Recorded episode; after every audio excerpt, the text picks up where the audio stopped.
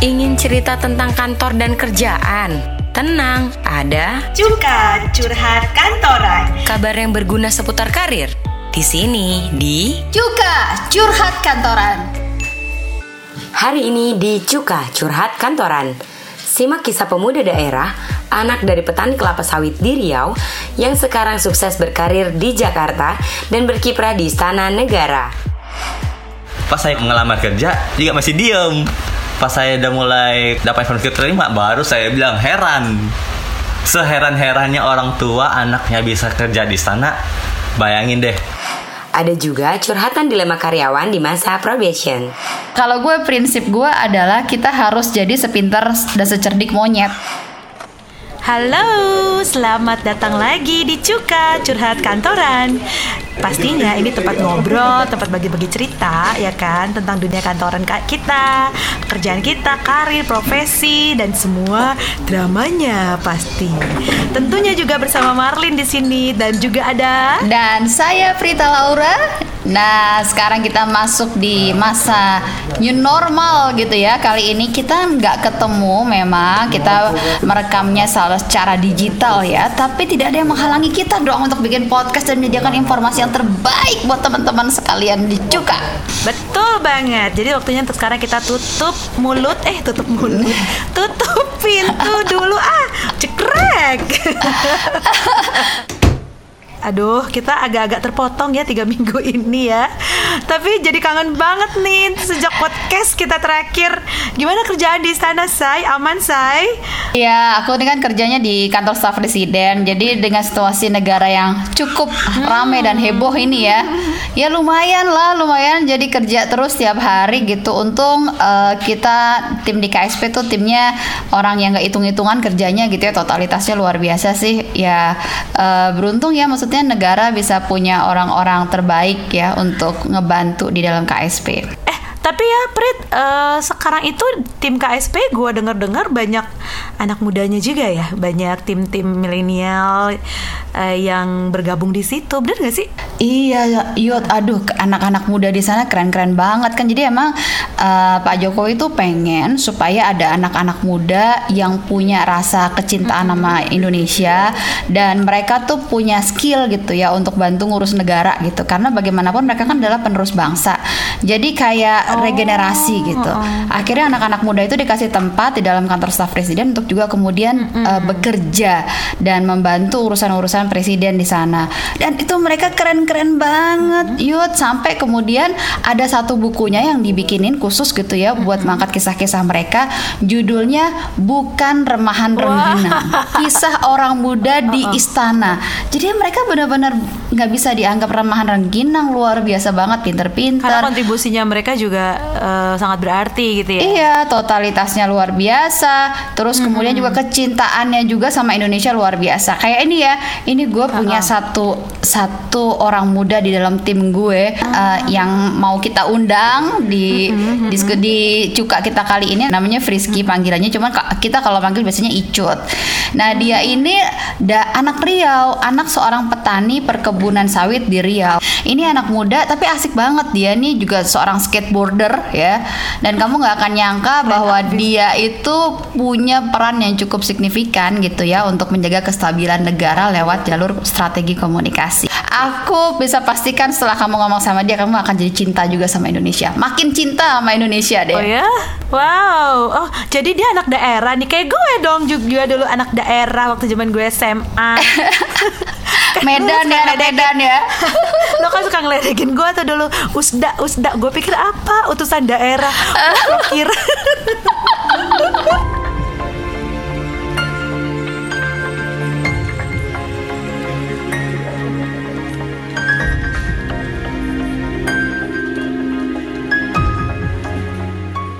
Nah, tadi kan kita udah dapat bocoran nih ya, bakal ada seorang anak muda, anak daerah yang akan ngobrol-ngobrol sama kita di sini.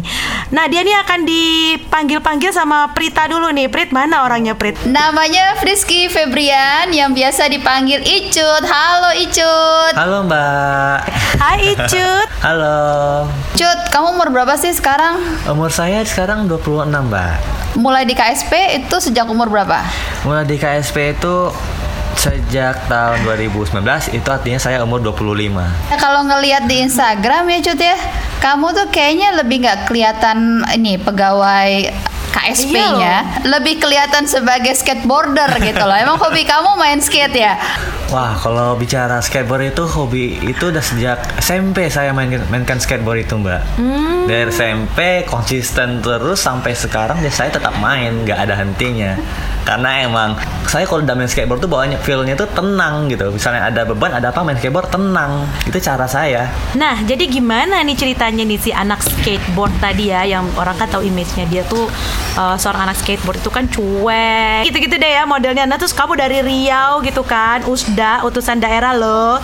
Tapi bisa kerja di istana alias uh, kerja di KSP. Bisa cerita nggak sih? Bisa mbak bisa. Jadi dulu itu saya kan S1-nya dari Pekanbaru ya. S1 saya Pekanbaru pemerintahan, terus saya pengen ambil S2. S2-nya tuh niatnya tuh pengennya resolusi konflik aja. Dapatnya UGM. Nah, Oke. saya kuliah UGM. UGM saya kuliah. Nah, sampai saya selesai tesis itu orang tua itu inginnya tuh saya tetap kuliah lagi S3. Oh ya? Nggak usah mikir kerjaan. Oh ya? Kok Di situ saya mikir, Heeh. lucu ya di situ. Saya mikir, Pak, kalau aku terus em, lanjut S3, aku nggak punya pengalaman apa-apa, aku mau jadi apa? Aku nol, aku tinggi di akademik, aku nol di pengalaman, aku bisa cuman punya pengalaman apa? Magang. Dulu kan saya tempat magang di UGM juga karena nerima beasiswa ya di UGM. Nggak mungkin kan yang namanya akademik setinggi tingginya tapi pengalaman saya nol gitu jimplang banget sehingga saya butuh nih meyakinkan orang tua saya. Saya nggak bisa bantah, saya nggak akan mau bantah orang tua saya tapi saya berikan bukti dengan prestasi. Yaudah, aku cari pengalaman lagi. Kebetulan di waktu itu ada momentumnya satu data Indonesia buka pendaftaran magang.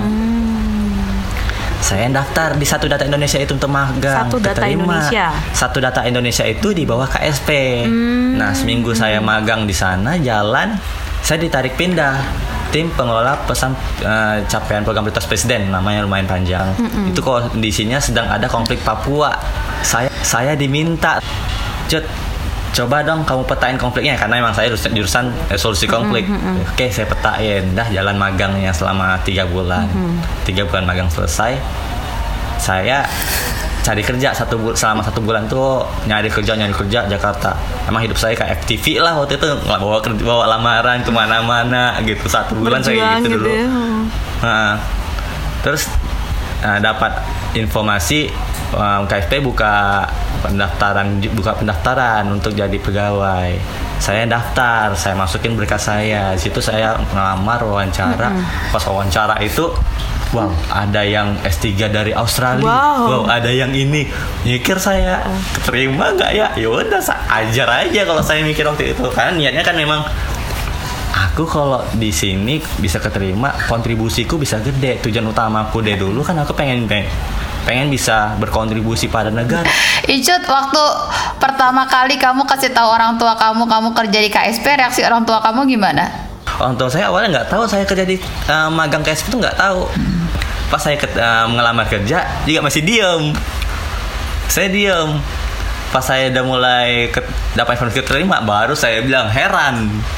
Seheran-herannya orang tua anaknya bisa kerja di sana. Mbak kita bisa bayangin orang yang maaf ya ini ngomongin orang tua sendiri kayaknya bully orang tua nggak enak banget ya. Jadi uh, uh, jadi posisi itu memang terdiam terdiam nggak mulutnya terbuka gitu kayak kalau orang dia ngomongnya nganga gitu ya. Hah? kok bisa? Gimana ceritanya? Ya udah diceritain perjalanannya di situ gitu. Oh Jadi- ya sudah Oh, Jadi mereka bangga dong Bangga. kamu bisa membuktikan Mm-mm. apa yang kamu mau gitu kan. alhamdulillah Nah, udah situ. nih kamu udah masuk nih kerja di KSP, udah berhasil membuktikan kepada orang tua bahwa uh, apa uh, impian kamu bisa tercapai gitu kan. Tapi kan pada saat udah masuk di dalam nih kan pasti ada aja nih challenge ya kan dalam bekerja di KSP, suka dukanya kayak apa sih gitu loh bisa ah. diceritain nggak? ya berarti pertama dulu deh yang sukanya dulu. Mhm. sukanya itu karena di dalam itu adalah isinya profesional semua. Hmm. saya yang hanya punya kemampuan akademik dihadapkan sama orang-orang profesional saya kan artinya bisa belajar banyak secara terapannya di situ yang menjadi suka saya. Saya bisa diskusi saya nggak tahu saya tanya kepada ahlinya langsung. Itu bedanya. Tapi kalau bicara duka mungkin tantangan kali ya. Tantangannya itu karena di situ semua itu gerak cepat pekerjaannya. Kita benar-benar bisa multitasking. Setiap orang masuk saya sendiri dulunya yang bukan tipe yang multitasking di KSP sejak saya dari zaman magang itu saya dilatih untuk benar-benar bisa multitasking. Dalam satu hari itu bisa ngerjain beberapa pekerjaan sekaligus. Di situ menjadi tantangannya nah artinya apa lagi itu mengubah karakter diri saya ke arah yang lebih baik lagi Jadi Cut sebenarnya setiap hari tuh yang kamu lakukan di KSB tuh ngapain aja sih? Jadi tambah kepo nih. Oh iya boleh mbak. Ini sedikit cerita tentang kerjaan di KSP. Saya itu punya desk jobnya itu yang paling utama adalah menyusun daily briefing istana. Nah itu produksinya itu ada di kantor staf presiden. Situ saya bersama tim satu tim nih pengerjaannya ya itu menyusun sebuah barang. Ini barang ini sebagai metode untuk menyatukan suara istana.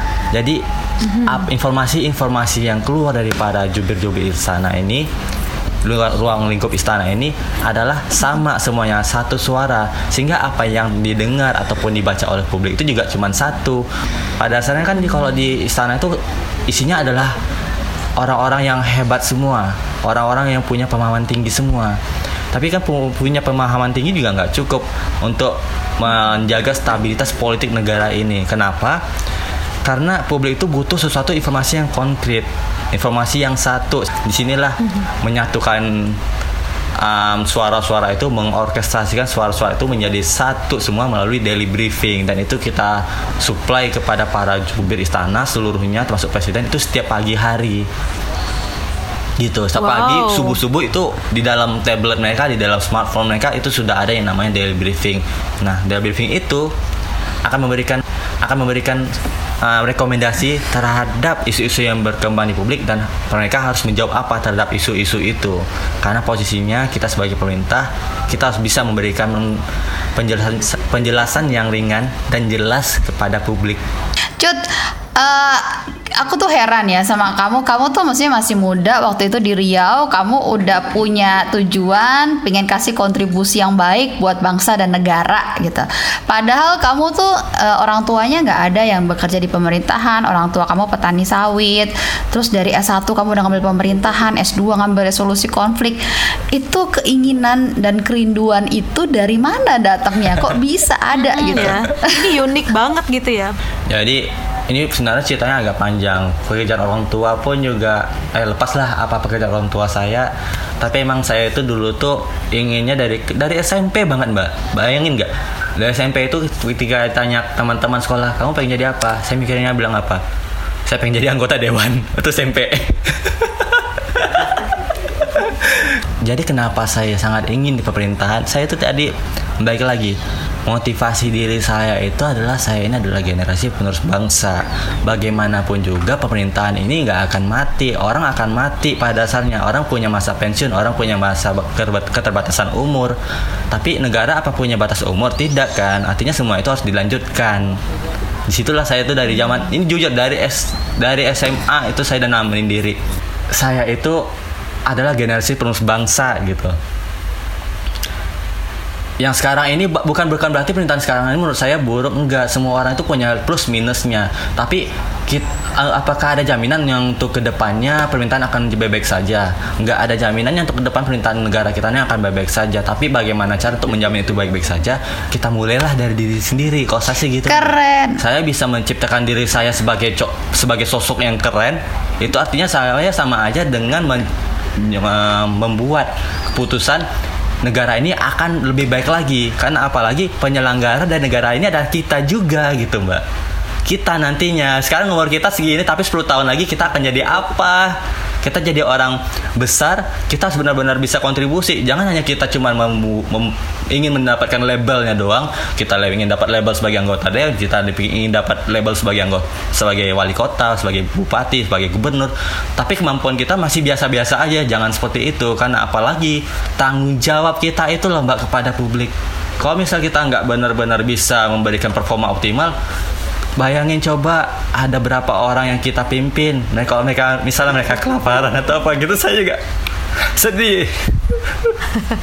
Luar biasa pemikirannya Keren, dia ya. Icut, Luar Icut. biasa. Jadi banyak anak-anak muda yang menunjukkan kepedulian ini dengan nyinyir di media sosial gitu ya. Tapi ada anak muda yang kita wawancara saat ini, dia benar-benar melakukan sesuatu gitu, berkontribusi untuk bangsa dan negara dengan apa yang dia bisa. Terasa banget ya. Karena kita ini kan rekaman pakai Zoom, kita bisa li- lihat Icut nih sampai menitikan air mata loh. Saking dia passionate-nya gitu buat bangsa dan negara ini. Thank you banget ya Cut, kamu sama-sama. menginspirasi kita berdua juga di sini. Nah, mudah-mudahan nanti ke depannya kamu bisa lebih sukses lagi ya kan, bisa mencapai Mbak. apa yang sudah kamu impikan. Mudah-mudahan ini juga bisa membuat bangsa Indonesia kita makin maju, ya kan? Amin. Amin, Emang amin. kita semua emang siapa siapa yang mau negara ini juga eh, gitu-gitu aja pasti semua ingin lebih baik, semua ingin jadi lebih berhasil di mata dunia. Iya. Target kita semua itu kan. Iya, Icut, terakhir aku boleh minta nggak kamu kasih penyemangat dong buat ini kan ada anak-anak daerah lain di Indonesia begitu ya. Iya. Bisa nggak kamu kasih tips atau penyemangat ke mereka gitu supaya mereka juga percaya diri dan juga punya kecintaan buat Indonesia sebagai generasi penerus bangsa, Cut. Saya tuh sangat ingin bisa menyampaikan pesan melalui podcast ini juga. Kita itu semua harus menanamkan mindset kita itu adalah generasi negara ini selanjutnya. Pemimpin kita yang sekarang ini punya juga limit. Semua orang punya limit. Tapi bayangin coba, limit kita itu lebih gede dari mereka. Kita tuh masih umur 20-an, mereka yang udah umur 50-an artinya kita punya rentang 30 tahun berbeda dari mereka yang lebih gede. Manfaatnya 30 tahun itu untuk bisa benar-benar membangkitkan diri, mem- menambah keilmuan kita, benar-benar berusaha gitu. Capailah keinginan kita. Semua orang pasti punya impian yang gede. Impian itu tidak akan bisa tercapai kalau misalnya kita cuman cerita-cerita doang omong-omong doang. Buktiin kontribusi bangun negara ini gitu. Kita pesan dari saya kepada teman-teman semua Wow, aku mau Terima kasih. Aku mau tepuk tangan ah buat Icut. Luar biasa.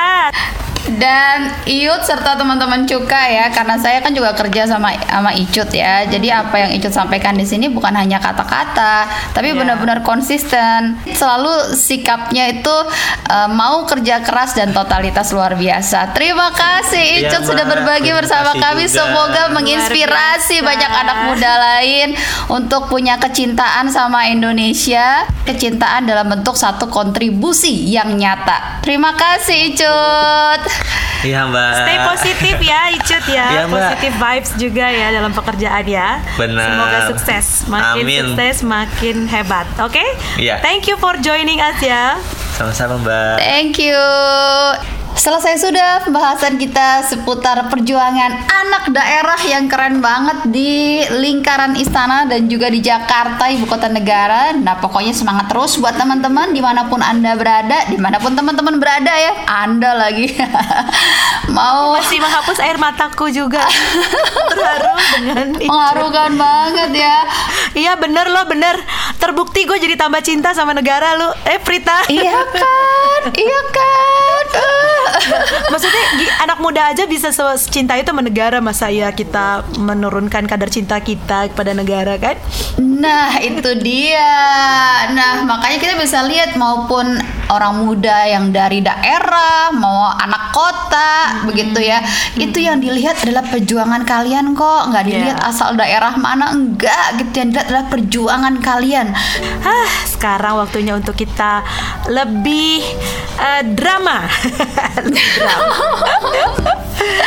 Oke, Kita kita balik. bacain langsung ya. Ini nih drakor Ya. kita hari ini sudah ada masuk suratnya ke email kita. Dear Kak Prita dan Kak Marlin, aku sedang dalam masa probation yang tinggal satu bulan lagi. Aku suka dengan pekerjaanku, tapi lingkungan kerjanya yang buat aku merasa nggak nyaman. Karena teman-teman kantorku suka ngomongin satu sama lain dari belakang. Aku dilema banget jadinya, jadi nggak nyaman sama lingkungan kerjanya.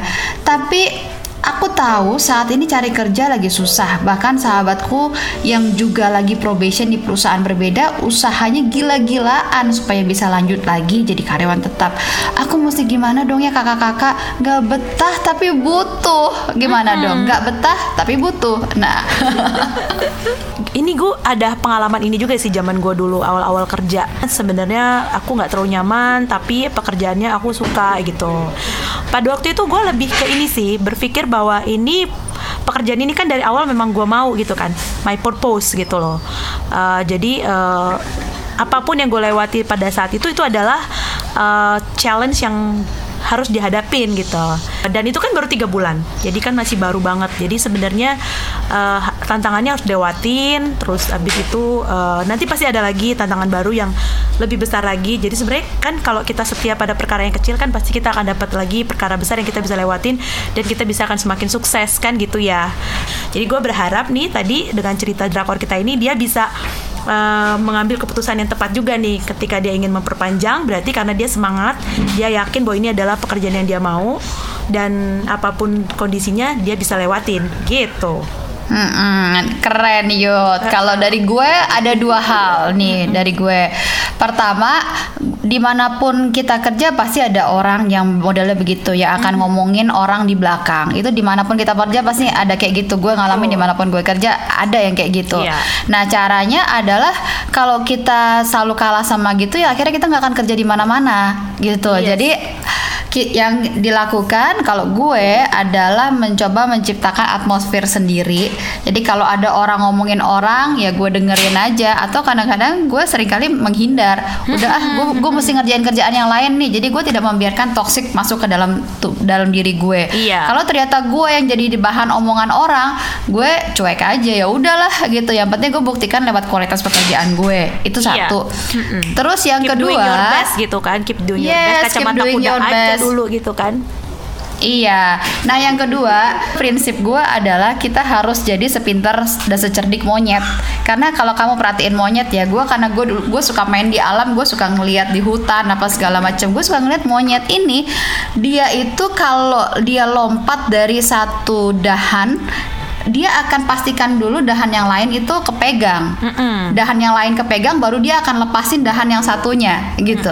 Nah, jangan jadi orang yang maksudnya lo udah lepasin dahan yang satu sementara dahan yang satunya lagi lo nggak kepegang. Akhirnya lo akan ngedrop dan akhirnya akan end up Ya. lagi pengangguran gitu bingung mau ngapain maksudnya monyet aja cerdas gitu loh untuk tahu lo lepasin dahan yang satu ketika lo Baru punya tempat secure berikutnya gitu punya kan. secure tempat lain yang yang Ya, yang, yang aman buat lo Ah, benar, Eh, eh, yang benar. firm buat lo jadi kalau menurut gue kita jangan kalah cerdik sama yang namanya monyet gitu. Karena- iya jangan lo lepasin manusia kalau loh, belum gitu. ada satu tempat yang lain yang lebih secure gitu Iya, apalagi kan kalau misalnya tadi itu kan dia udah udah susah-susah berjuang di situ terus ternyata melewati masa probation dia keterima gitu kan. Ya pasti kan Iya. pegangannya dia tuh adalah pegangan yang kuat kalau dia pergi uh, resign cabut walaupun dia nggak suka sama atmosfernya, dia belum tentu dapat uh, atmosfer yang semau yang dia mau juga gitu loh, seenak yang dia mau kan. Karena percayalah bekerja di mana pun pasti ada challenge, pasti ketemu orang yang kita nggak suka, nggak akan ada yang sempurna gitu. nggak ada yang sempurna Tapi Nah, konsep monyet itu oke banget tuh konsep monyet. konsep monyet.